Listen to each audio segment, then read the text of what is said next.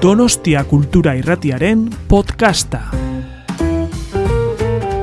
Muchísimas gracias a todo el equipo de, de Ernest Yuk por abrir de nuevo esta sala y que podamos compartir literatura, que creo que es algo que, que a todas y a todos nos gusta mucho. Así que muchísimas gracias por venir, por supuesto. Veo caras conocidas, así que es un placer después de, del verano o el no verano que hemos tenido volver a encontrarnos aquí y con un libro que, que dicen que es el acontecimiento literario del año y yo creo que, que lo es, así que también muchísimas gracias, es que ricasco, Fernando Aramburu, por, por estar en tu casa, ¿no, Fernando? Sí, cierto, y aprovecho para pedir disculpas por el retraso, porque me han implicado en una entrevista de, de, televisión en la que a uno le dicen, bueno, en dos minutos, dos minutos que se convierten en seis, que se convierten en ocho, y bueno, yo espero que les hayan dicho la razón. Eh, procedo de un país en el cual la impuntualidad está fatalmente vista. ¿sí? Cosas de la tele que sí, suelen llamarlo. Y por lo demás, y con sí, eso... estoy en casa, ciertamente, no tengo más que mirar las filas para reconocer caras.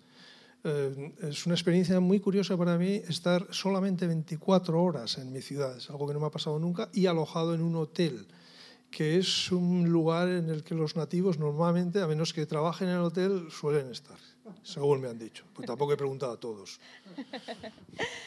Decía que en casa y muy en casa, no solo por, por, las caras conocidas que tenemos aquí, sino porque también estamos en los bajos de, Anoeta, Fernando, y esto sí, fíjate, Messi, vente a la Real Sociedad, cariño no te va a faltar. Gracias por el intento también. No, el pibe necesita cariño, no más. Y pensé que el pobre pues, eh, pues podría venir aquí, por, no sé, pagarle no, probablemente no podríamos. Me, me, mofé un poquito en redes sociales, sí. Pero es verdad que estamos en territorio sagrado y entonces estos son palabras mayores estar aquí. Bien, me alegro. Y además con una novela nueva, Fernando, que, bueno, eh, vamos a empezar hablando por, por, cómo son esos sentimientos. Supongo que te lo estarán preguntando en, en, todas las entrevistas que estás haciendo, las de televisión, las que se retrasan y las que no, pero vamos a hacerlo ya al principio, si, si os parece, y así luego ya, ya volamos. Y es, eh, bueno, después de una revolución, éxito y fenómeno, porque todas las palabras se quedan pequeñas para una obra que ha sido traducida a 34 lenguas y que encima es una serie en HBO que se puede estar viendo ahora en cualquier lugar del mundo, pues Fernando, ¿hay vida después de Patria? ¿Cómo es volver a las librerías después de, de Patria? ¿Cómo es ese sentimiento? No, por supuesto que hay vida después de vida creativa, naturalmente. Eh, bueno, lo de Patria pues fue algo muy grato, fue algo quizá excesivo para un pobre escritor que trabaja en soledad y que de repente merece tanta atención. En líneas generales fue muy grato para mí y es cierto pues que todo aquel eh, barullo relacionado pues, con la promoción y los viajes y llamadas telefónicas a todas horas, pues, bueno, fue un ingrediente de trastorno, pero que luego supe gestionar pues con serenidad y porque tampoco estoy solo en la vida, sino que tengo una familia y gente que me aconseja y bueno, más o menos eh, me fui adaptando a esta situación. Lo que hice desde el principio fue liberar el escritorio de cualquier sombra tutelar, ¿no? Y mm, tampoco quise publicar novela inmediatamente para que la siguiente novela, pobrecita, no pagase la factura del éxito anterior y de algunos elogios que me hicieron, ¿no?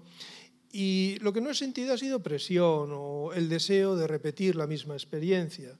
Después de Patria publiqué tres libros, ninguno novela.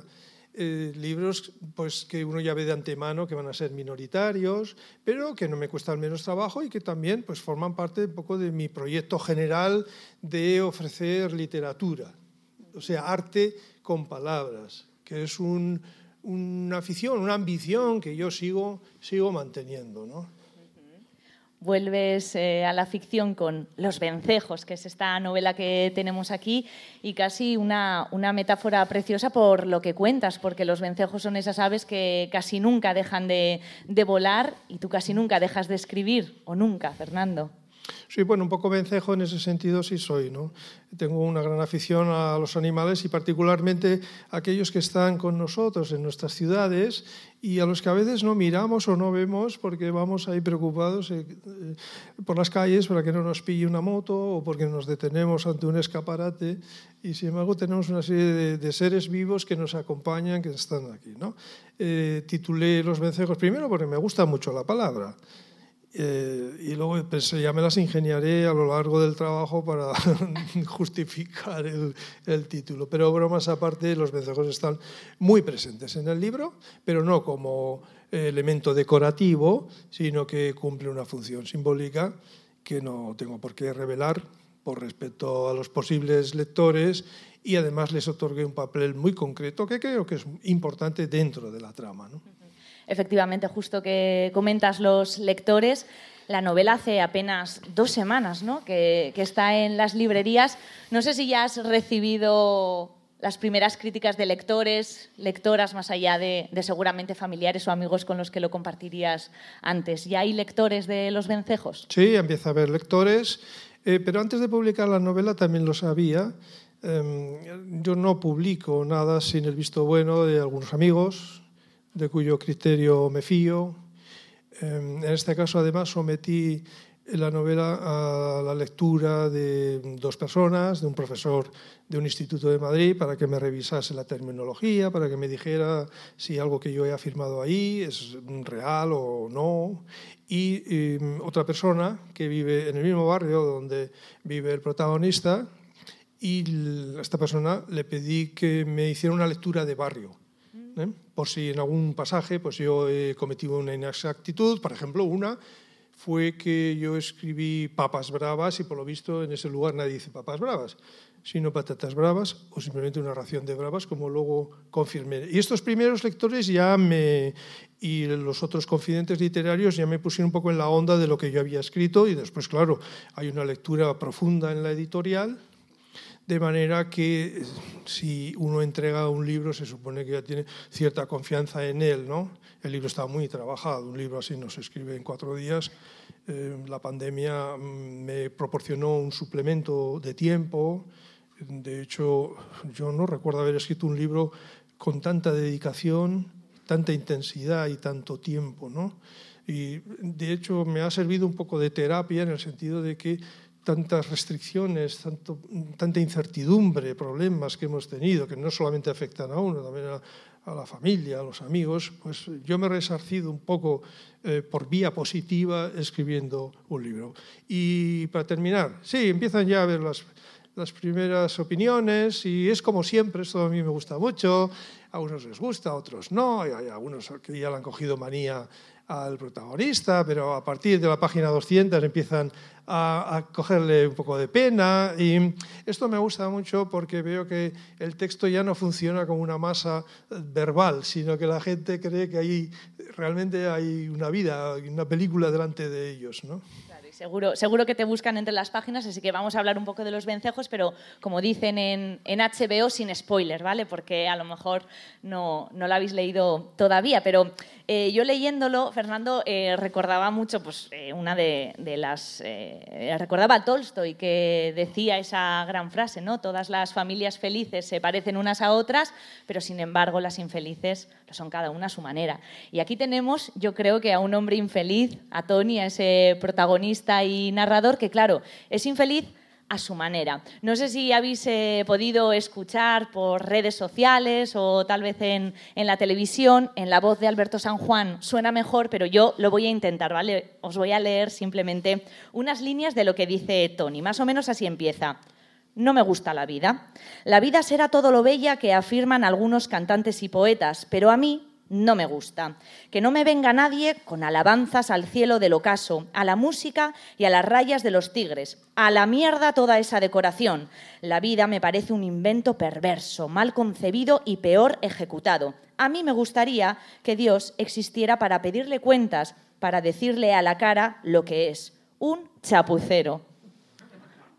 Dios un chapucero y yo creo que Tony y no sé si infeliz, odiador, no sé, es, es un personaje difícil de, de, describir. Fernando, ¿cómo lo harías? Sí, bueno, para empezar, eh, vamos a decir que ahí está la gran ciudad, llega el escritor y saca un pececito, o sea, saca un ser humano de los millones que viven en esa ciudad y el, eh, lo sacude, le quita un poco las gotas, lo pone en la mesa de disección, lo abre y lo va a exponer mediante la escritura por dentro. Es decir, que el lector mmm, tiene la posibilidad de hacer algo que en la vida es prácticamente imposible, prácticamente, y es mirar por dentro a un ser humano como si fuera un reloj y viéramos cada pieza, cada miseria, su pasado, sus debilidades, eh, sus excesos también, también sus cosas buenas, porque algunas tiene. Estamos.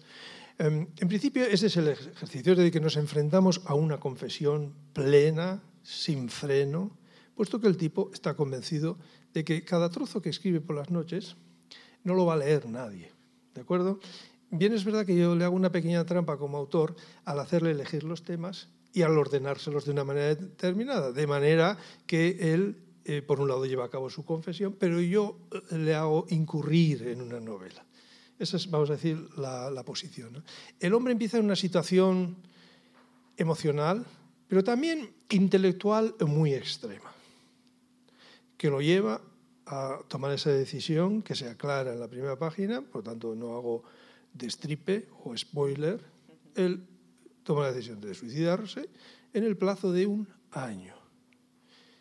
Plazo que él considera suficiente para saber por qué va a suicidarse. Porque en este caso eh, el efecto precede a la causa. Y toda la novela es un ejercicio introspectivo para averiguar por qué él está a malas con la vida. Porque no está enfermo, tiene salud, no, no, tiene problemas de trastornos o de depresión, tiene un puesto de trabajo, pero también tiene mucho fracaso y mucha rabia personal también, que un poco reparte entre los seres junto a los cuales se ha eh, criado o se ha desarrollado. ¿no? Así que tenemos de entrada un tipo no muy apetecible para tenerlo en nuestra vida. ¿no? Pero luego, a lo largo de la novela, iremos viendo cómo él hace toda una serie de reflexiones, de evocaciones, eh, un poco como vengándose de la vida, que le ha parecido como un fiasco, porque él ha invertido energía, ha invertido pues, esfuerzo para, para entender, ha leído mucho, eh, se implicó en la aventura del matrimonio, que además al principio funcionaba, eh, conoció la paternidad, y sin embargo, cuando llega la novela, es decir, al 1 de agosto de 2018, está solo en su piso, solo tiene un amigo que es de Traca, una perra que da lugar a episodios pues, muy entrañables y una muñeca de compañía que efectivamente es de compañía porque remarca además la soledad en la que vive este hombre y que le permite pues, proyectar una serie de fantasías que él jamás ha cumplido o podría cumplir en la vida. ¿no?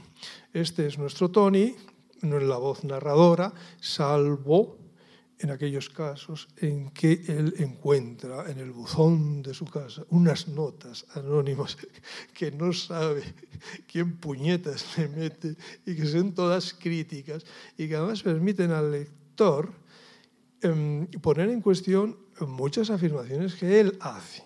¿eh? Tenemos que tener en cuenta que todo lo que vemos en la novela es a través de sus ojos, lo cual hay convendría relativizarlo, porque es, todo ello es una versión subjetiva de él. Claro, es que como dices en, en la novela, eh, empezamos el 1 de agosto y de verdad que Tony cada día, cada noche se toma la molestia de escribir algo, que es lo que vamos leyendo. A veces es un recuerdo, a veces es algo que ha sucedido ese día, una conversación. Bueno, son diferentes cosas, pero lo cierto es que eh, desde ese punto de partida, ¿no? de decir la vida es una mierda y, y querer suicidarse, lo va a hacer el 31 de julio de, del año que viene, lo cierto es que a lo largo de 365 días la vida de Tony se pone interesante, porque tú lo has dicho ahora, Fernando, unas notas anónimas y misteriosas en el buzón, solo el querer descubrir quién las escribe o por qué sabe tanto de él, ya algo es. Así que ciertamente es que él está muy enfadado con la vida, pero sí. bien interesante es todo lo que, lo que le va sucediendo. Creo que a lo mejor es eso lo que te lleva a pensar no lo vas a hacer, sí lo vas a hacer, porque acompañamos a alguien que se quiere suicidar. Sí, o sea, la novela ya por el mero hecho de que se cuente o se declare esto en la primera página, que el hombre ha decidido eh, despedirse de la vida en un momento determinado, que se supone que coincidirá con la última página, puesto que nadie puede narrar su propia muerte, aunque la ficción permite tantas cosas, ¿eh? em, el libro se convierte automáticamente en una cuenta atrás. Y yo tuve en contacto con un periodista que me hizo luego un reportaje muy bonito sobre el libro y me dijo que le resultaba muy desazonante la, lectura, porque se sentía como una especie de, verdugo del, protagonista. Es decir, si, él se hacía la siguiente reflexión, si yo leo, yo estoy llevando a este hombre a su final.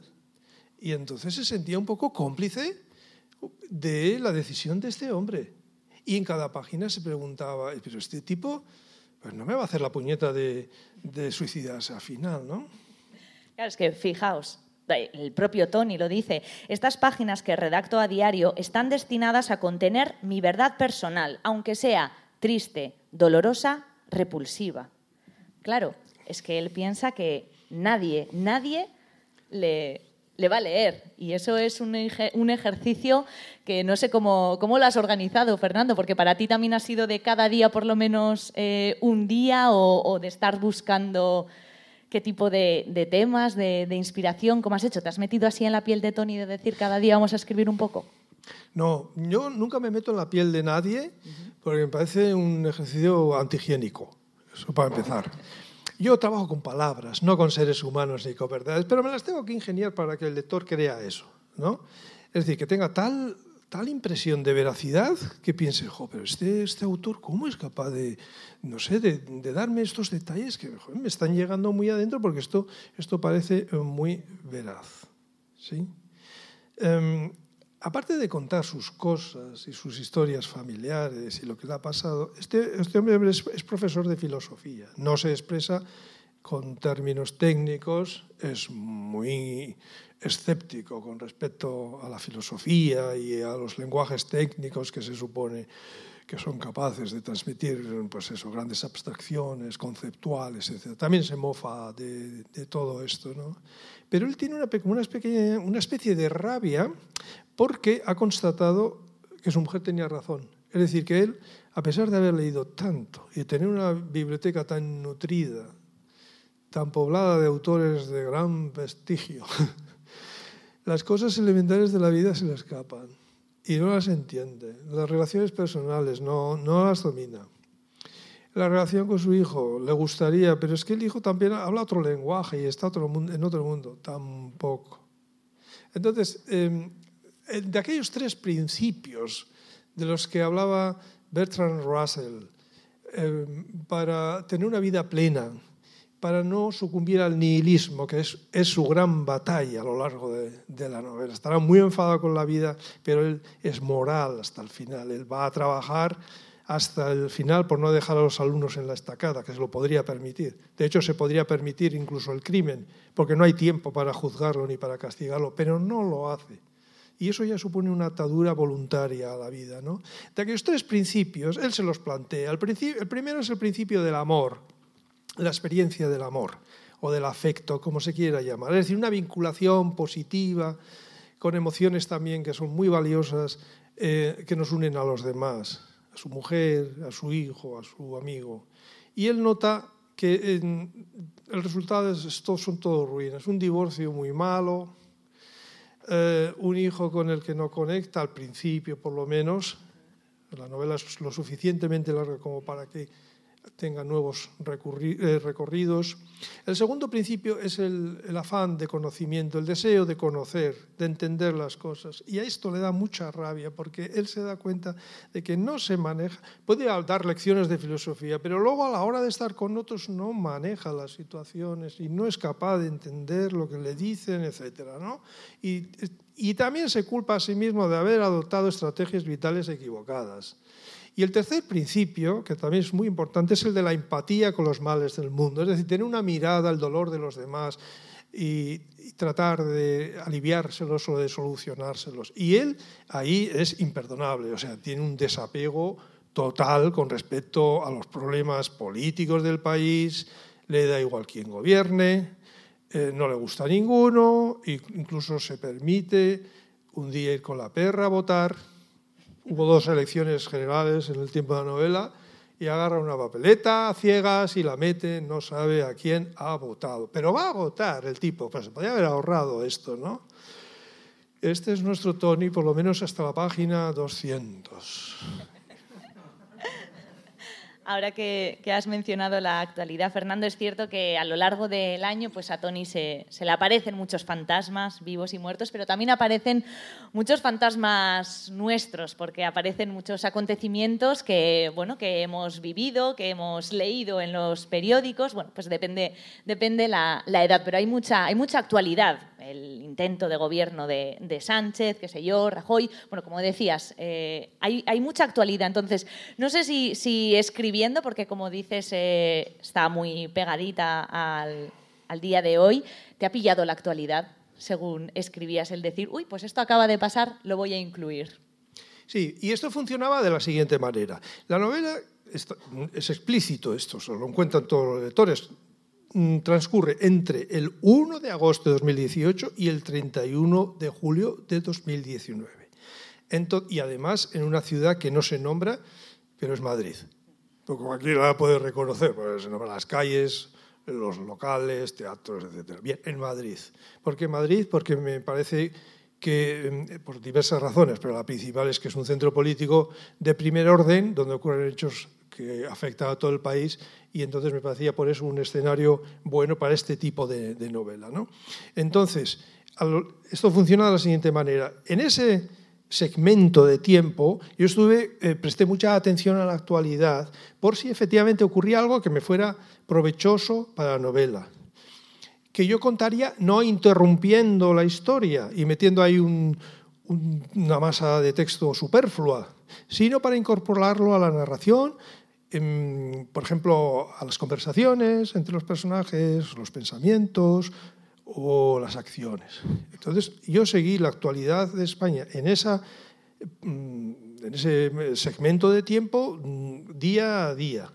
Y ocurrieron hechos que me parecía que eran relevantes como para que los personajes se definieran sobre ellos, también en el rincón del bar, cuando nadie los escucha y se habla sin freno Em, por ejemplo, pues hubo dos eh, elecciones generales.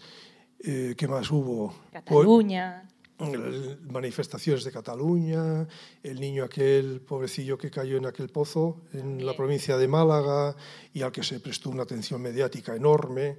Cuando ya por fin lo sacaron al pobrecito muerto, ya la prensa se desentendió y fue todo esto. ¿no? Es decir, que al mismo tiempo que se cuenta en la novela vidas privadas, familiares, íntimas, de todo tipo, eh, va un poco eh, añadido un dibujo social de España. Y al igual que para Tony, para el protagonista, ¿no? como decías, pues tú te permites ir eligiendo los temas. Aquí, Fernando, no sé, la actualidad en los últimos años te ha costado también qué elegir, porque ha pasado de todo, como decías ahora. Ahí sí que ha habido inspiración, ¿no? Sí, y eso que mi editor lamentó que la pandemia viniera ah, después del término de mi novela, pero ya habría sido excesivo, claro. Aunque ahí hice una pequeña trampa porque hago una alusión a una posible pandemia de algún virus y demás, claro. Así es fácil ser profeta, ¿no? Cuando uno ya sabe lo que ha pasado.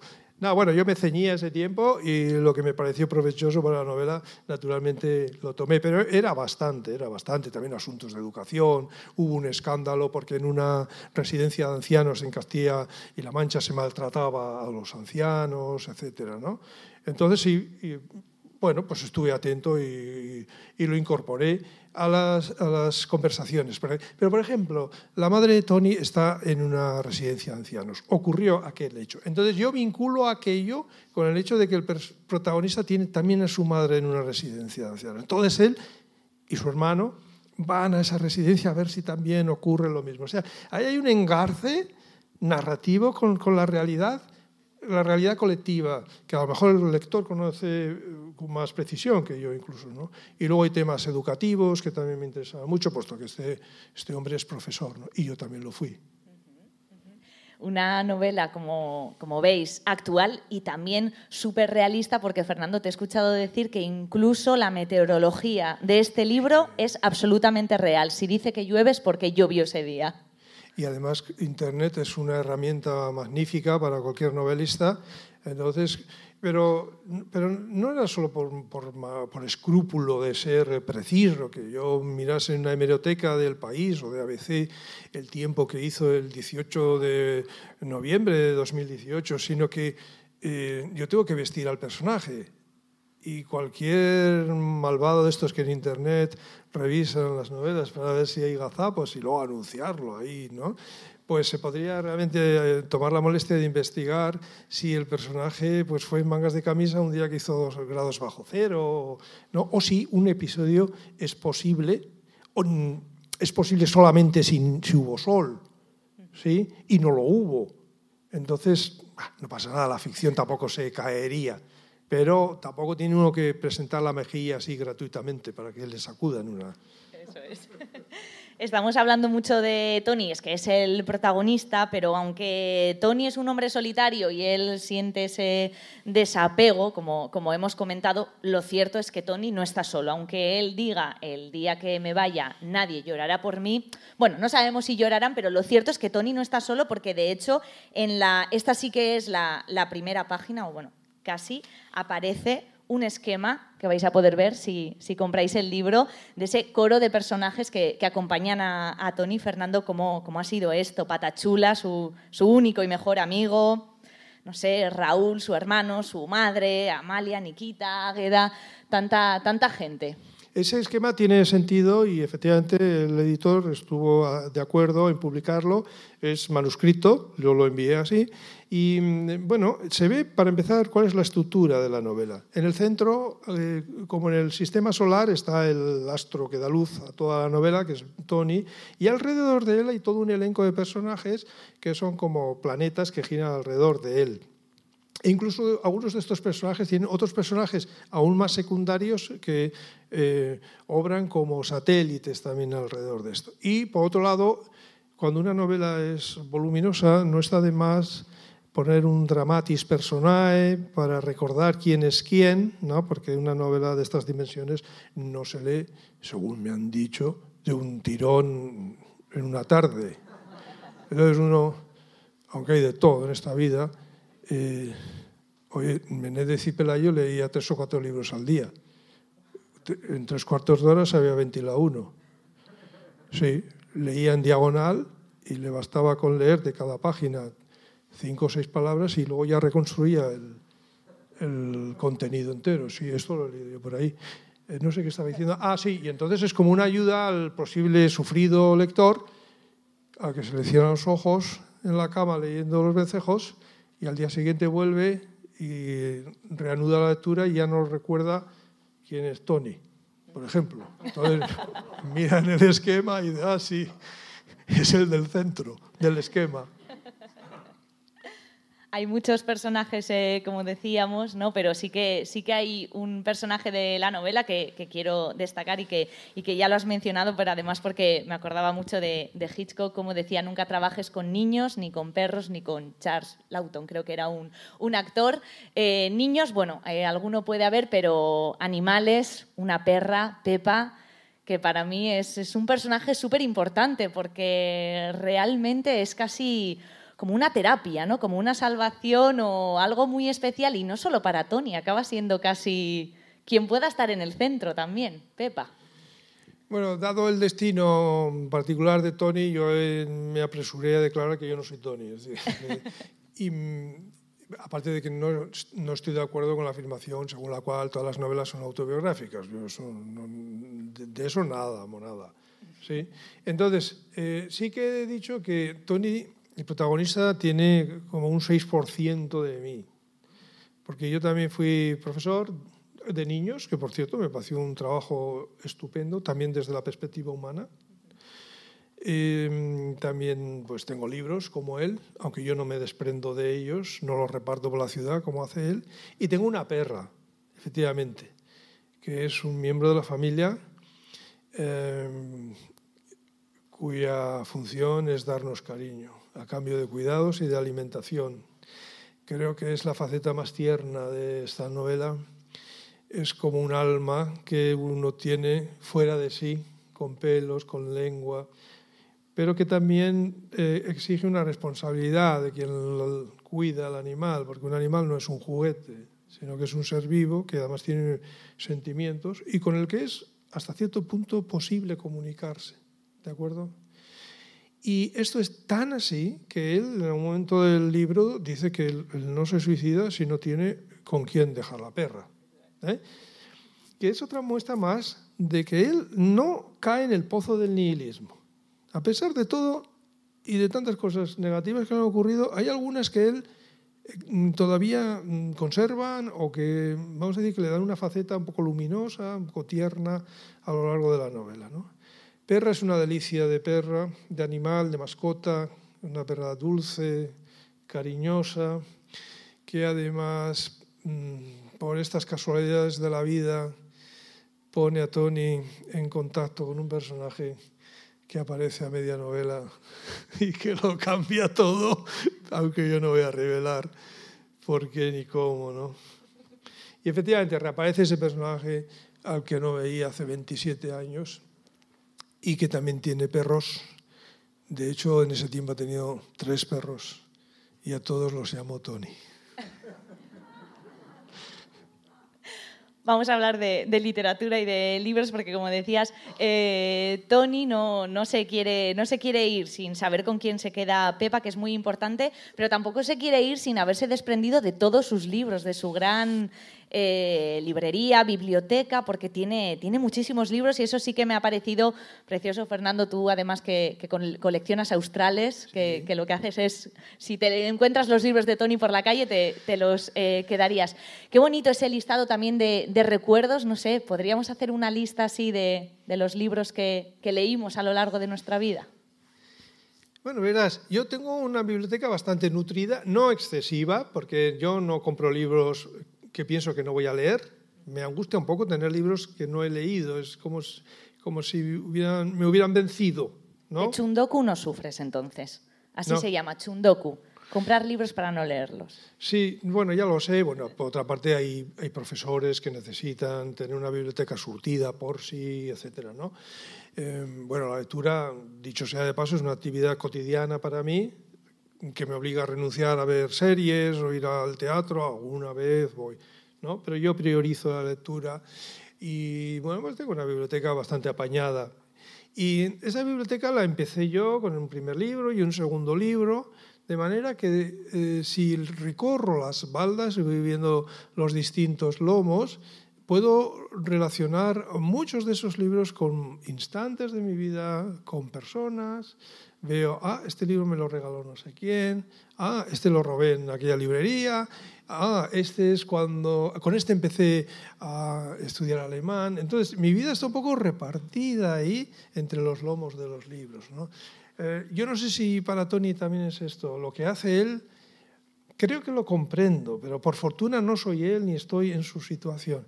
A mí me da porque yo no, no escribo novelas explicándole al lector por qué los personajes hacen esto u otro. Yo, doy por hecho que el lector es suficientemente inteligente para interpretar y que además da gozo hacerse como una composición de lugar, etc. ¿no?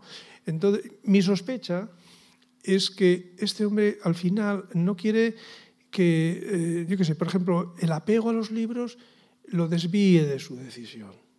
Él menciona incluso el verso de Antonio Machado, este de como los hijos desnudos de la mar. O sea que llegas sin posesiones, llegas desnudo, llegas con tu cuerpo al momento final. ¿no? Un poco esto, esto funciona en, su pensamiento y se va desprendiendo poco a poco de los libros, pero no los tira a la basura, podría tirarlos. tampoco ahí es inmoral sino que los pone en lugares donde los pueden encontrar otras personas. Libros magníficos en muchos casos. ¿no? También se desprende pues, de, de otros objetos de la casa, de cacharros de cocina, de ropa, del televisor incluso, que coloca al lado de una biblioteca. ¿sí? Este, sí, esto es algo como de, de, desprendimiento, de austeridad, ¿no? de llegar al final pues como se vino a la vida, es decir, sin, sin posesiones, sin bienes, Vamos a ir terminando porque queremos que también haya tiempo para, para que podáis llevaros los vencejos firmado y aprovechar que, Fernando está en casa, como decíamos. Eh, pero también quiero que haya tiempo para si alguien quiere hacer alguna pregunta o, comentario. Así que lanzo la última pregunta, que sí que lo has dicho, Fernando, pero los vencejos suceden en Madrid y casi que Madrid es, es un personaje más, porque está muy presente, pero no sé si para ti, mientras, mientras escribías, ya que dices que además ha sido durante el confinamiento, te ha servido también para, para salir de casa y pasar porque hay unos paseos preciosos por Madrid. Sí, Madrid la tengo muy visitada. Em, es una ciudad eh, grata para mí. Em, no la considero fea, aunque mm, así vista desde una panorámica elevada parece, dicho con la mayor sencillez y sin intentar molestar a nadie, un mogollón de edificios. ¿eh? es un amontonamiento de edificios, tiene lugares maravillosos. Eh, es una ciudad gestionada por políticos que, eh, que la destruyen. O sea, llegan y rompen, levantan calles y, entonces una ciudad, no sé, en, en continua construcción. A mí me contaron que, en cierta, Fernando Trueba me contó una vez que vino Dani De Vito, ese actor bajito, eh, y mientras lo llevaban del aeropuerto a no sé qué hotel, por las calles de Madrid, pues veía obras aquí, veía obras allá, y dijo, les deseo a ustedes que encuentren cuanto antes el tesoro, ¿no? Bueno, eh, pues la he visitado muchas veces, tengo muchos amigos allí y bueno, pues he acumulado cierta experiencia personal. creo incluso que he empezado a comprender la ciudad. Cada ciudad tiene una personalidad, una orientación. Em, los que nacimos en esta ciudad, pues quizá no nos manejamos bien cuando vamos a estas ciudades que no tienen mar y entonces no hay una referencia como el mar aquí em, que nos permite luego situar cada sitio de la ciudad, cada edificio, cada calle con relación pues, al mar o al río. ¿no? En Madrid no, pues hay un pequeño río que va un poco por el borde, además. ¿no? Y tiene una determinada personalidad y tiene un cierto olor, como lo tiene esta ciudad, que tiene un olor maravilloso, que se percibe cuando uno está afuera y, y viene, que es ese olorcillo del mar, de las algas, del agua mm, de la costa que está un poco en sombra y eso a mí me resulta delicioso, francamente. ¿no? Y, y, creo que le debía una, una, novela. Y por otro lado, pues ya estaba yo un poquito cansado de nuestras brumas vascas y de nuestro conflicto y me apetecía un poco meterme en otros mundos humanos diferentes, ¿no? con otros problemas, eh, y que además yo tuviese la posibilidad de modular el idioma de otra manera, con términos que son propios de Madrid, etc. ¿no? Y estos pequeños retos, estas dificultades técnicas para mí son, son muy estimulantes. Yo creo desde luego que podemos hablar de, del Madrid de Fernando Aramburu porque fíjense, fijaos, qué preguntas hace Tony y enseguida me vais, me vais a comprender por qué el, el Madrid de Fernando Aramburu y no el de otra persona. ¿Quién no se ha topado en alguna ocasión por la calle, en el supermercado, a la entrada de un centro médico, con una novieta del pasado? Ese es el, el, Madrid de Fernando Aramburu. Y si alguien tiene alguna pregunta, porque no vamos a decir nada más ah, sobre Madrid. Pero permíteme una pequeña puntualización que además tiene un trasfondo un poquito divertido. Y es que mm, yo conozco a un madrileño que vive en mi ciudad de residencia y tuvo un problema matrimonial Sí, grave, por cierto, como todos los problemas matrimoniales, francamente, bueno, es igual, no voy a entrar por esos terrenos. Pero en todo caso, él eh, fue culpable de la destrucción de su matrimonio. Y me confesó ahí en una calle así, poniendo los ojitos como de niño que no ha hecho nada malo, es que tenía una novieta, dijo. Y esa palabra novieta, que yo no he usado jamás en mi vida privada, ni la había oído nunca, me pareció muy de madrileño. Y entonces, ahora me he dado cuenta que la aproveché para ese pequeño, eh, para esa frase o para ese pasaje? Pues tenemos Madrid de Fernando Aramburu, lo, lo, acabamos de bautizar y lo dicho, si, si, alguien tiene alguna pregunta, algún comentario, de verdad, tenemos unos minutos y vamos a aprovecharlos. Aquí, genial. pongo el micro porque estamos grabando la, la charla, ¿de acuerdo? Para que se pueda grabar el turno de preguntas también. Pero lo sostengo yo, por esto del virus, ¿sabéis? eh, Buenas tardes, León, Fernando, Onguietorri. Eh, bueno, estoy un poco nervioso. Yo soy profesor de instituto de filosofía. No me suicidé, pero me pasé a la EPA. Soy más feliz. Eh, no sé, leeré con gusto tu, novela. No la he leído todavía, pero a ver, eh, eso lo primero. Lo segundo, eh, tenía ganas de decirte que hay una novela que me es especialmente entrañable, que es el, trompetista de la Utopía, eh, donde hay, yo creo, una catarsis amorosa con el país de los vascos, eh, sobre todo en Benilacun, que a mí me resulta muy barojiana. Y yo no sé si te inspiraste en Baroja o... No lo sé, es mi novela favorita. y tenía ganas de decírtelo.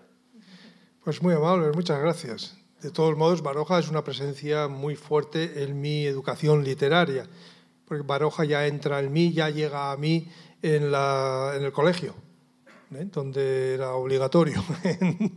Pero luego he seguido leyendo y de hecho yo leo un Baroja al año cae siempre, ¿no? Sí, cierto. Algo de barojiana puede tener esa novela, que empieza en Madrid, ciudad sobre la que él escribió mucho, que trae a un hombre de la tierra, en este caso Navarro, a su tierra y cuando llega a su tierra, él navarriza automáticamente su habla. ¿no? Él que venía de, hablar el, lenguaje que él pasota, ¿no? pasta tío, noeta rollos, colegi, y llega a Estella, Navarra, y de repente dice, ¡ay, mágico! y tal, ¿no? O sea, cambia, efectivamente, lo que supuso naturalmente un trabajito de documentación para mí, todo ello dosificado, ¿eh? tampoco se trata de imitar aquí a don José María de Pereda, que metía cuatro páginas reproduciendo el dialecto cántabro, tampoco hace falta, falta eso. ¿no? Y por cierto, Benny Lacun, que también era un calzonazos, bueno, eh, pues es un primo hermano del protagonista de esta novela, ¿no? con menos luces que este y con una visión de la vida quizá un poco más simple. Pero también es un tipo que sin quererlo ni comerlo reordena o rehace su vida. ¿Sí? Precisamente porque se deja llevar, tiene una serie de sueños y demás que no cumple jamás, por supuesto, pero la vida eh, como que le da un pujoncito hacia el lado bueno al final, ¿no? Sí, pues bueno, celebro que te haya gustado esa novela. ¿Más preguntas? Sí. Vaya, a Chaldeón.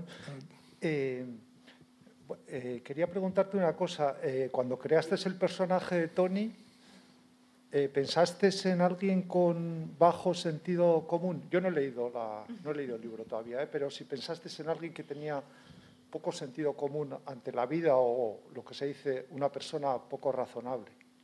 Ante, no, no, los, ante los, hechos en los que está. sí, sí, ya entiendo, entiendo la pregunta, pero tengo que aclarar. Y luego una segunda. Sí. ¿Cuáles son las habilidades más potentes que ves en Tony? Bueno, pero es que este es un hombre como muy aplomado, que está habituado al discurso lógico.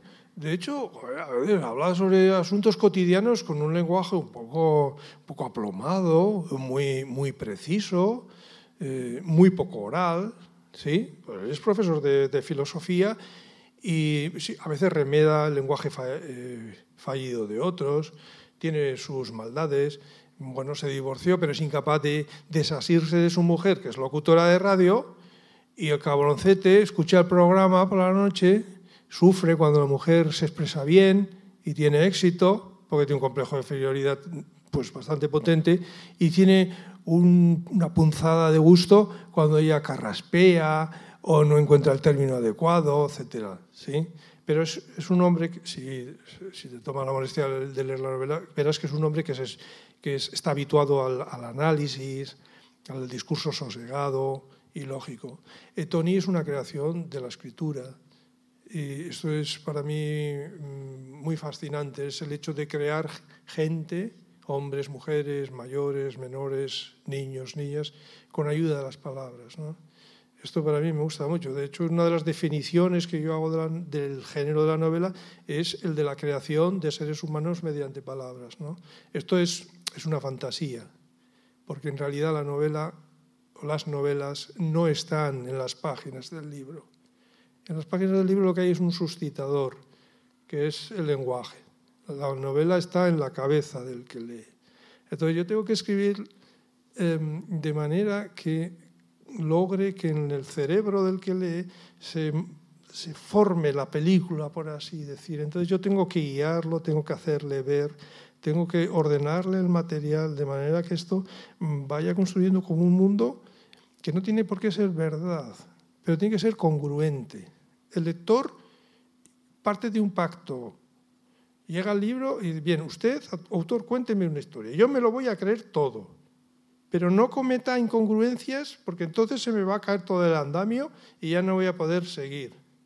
Entonces, es posible contarle la historia de un grupo de expedicionarios que va al centro de la Tierra, o la de un oficinista que se levanta por la mañana después de unos sueños movidos convertido en un bicho. Te lo aceptará todo.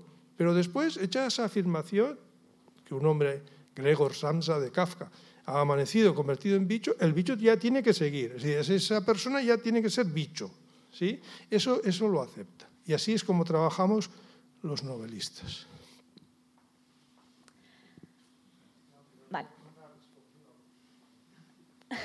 Sí, sí te ha respondido. Sí.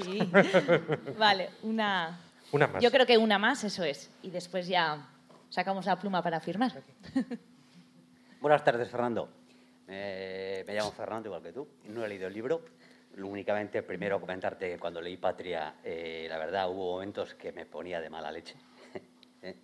Pero bueno, no quiero crear ningún conflicto. Y segundo, quitando la parte del libro en la que comentas que al final se suicida, ¿tú crees que existe ese perfil de persona en la sociedad actual o ha sido algo que has creado tú? Hombre, yo no he inventado la sociedad, no he inventado el suicidio, que es un asunto tremendo, ¿sí? Digo, quitando el suicidio. ¿eh? Sí. Si ese prototipo de persona existe, esa forma de pensar, esa forma de actuar, esa forma de vivir la vida. No, no sé si me explico. Sí, no, sí. Eh, es que no tengo constancia de eso porque yo conozco un número limitado de personas. Eh, lo que sí puedo decir, pero seriamente, es que ya me he encontrado con algún lector de estas personas que vienen a que yo les dedico un libro y que tienen la posibilidad de decirme algo de preguntarme algo. Yo ya sé que este caso de una persona, en concreto de una madre, eh, que anunció a la familia. En esto se distingue de mi personaje, porque mi personaje, salvo al amigo este, no se lo hizo a nadie. Les anunció que se iba a suicidar en un día determinado. Eso me lo contaría un señor en Bilbao. Sí, para mi sorpresa. Es decir, somos tantos, la variedad de conductas es tal que es muy difícil escribir una historia que no se haya repetido en algún lugar. Pero es que si no existiera, si no se hubiera dado nunca este caso, yo ahora mismo he comprado una tarta y una botella de champán para celebrar que he sido capaz de contar un- una historia que nunca se ha producido o que no haya sido similar a alguna historia ocurrida en algún lugar del planeta donde somos más de 7.000 millones. ¿sí? Porque a veces, pero es verdad que a veces viene alguien al novelista y dice, no, esto es que esto no, no puede ser. Dice, ¿cómo que no puede ser? Si no tiene por qué ser. Si yo le he contado a usted una historia. Había una vez una bruja, no, que no hay brujas, es que, es que hay- rompemos la posibilidad de la literatura y de la ficción.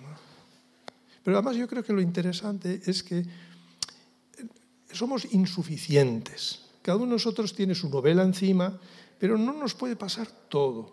No- por ejemplo, no tenemos por qué, eh, yo qué sé, asesinar, ¿no?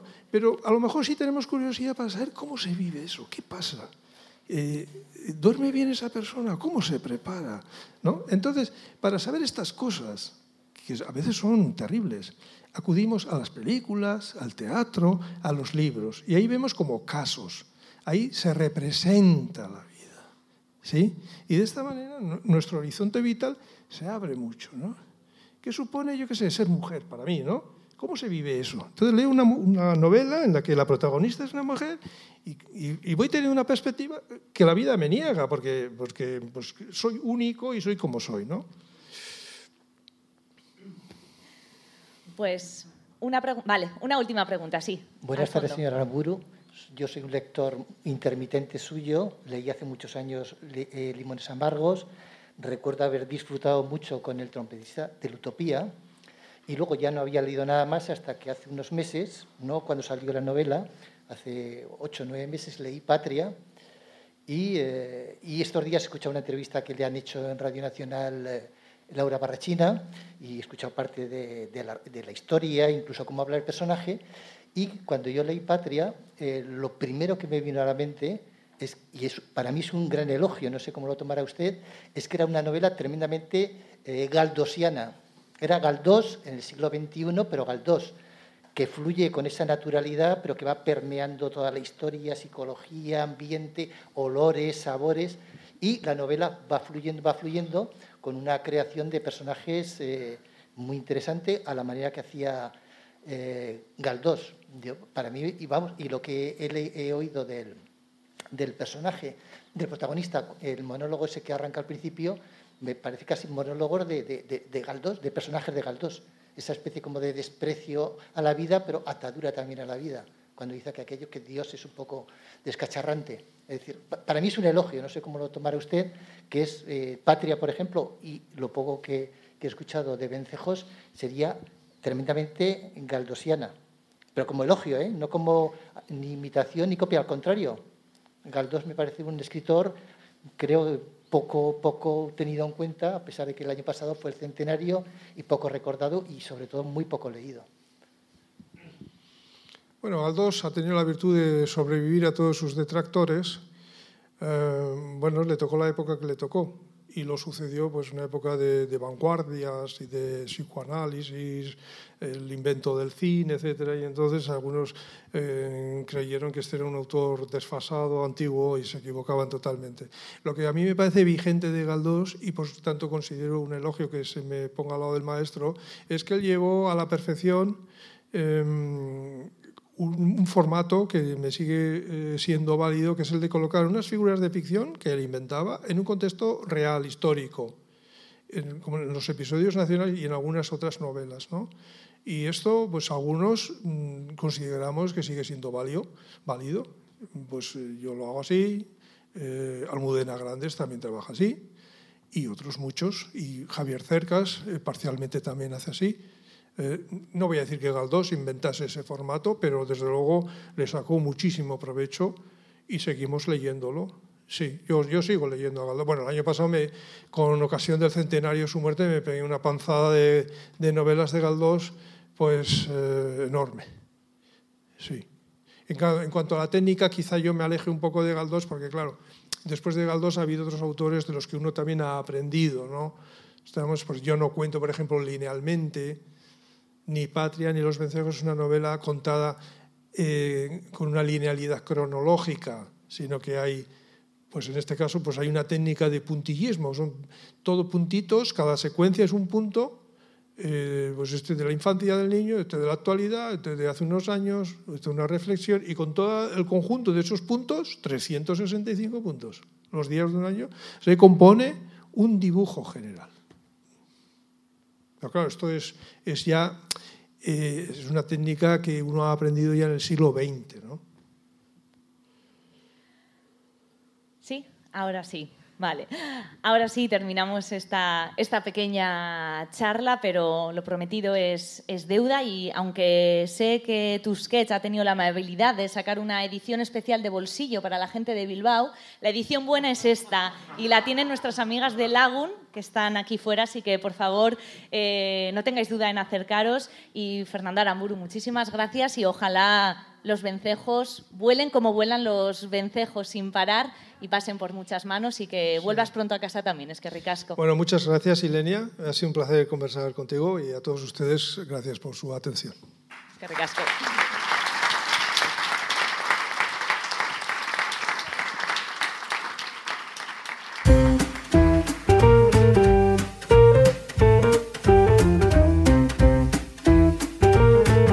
Donostia Kultura Irratiaren podcasta.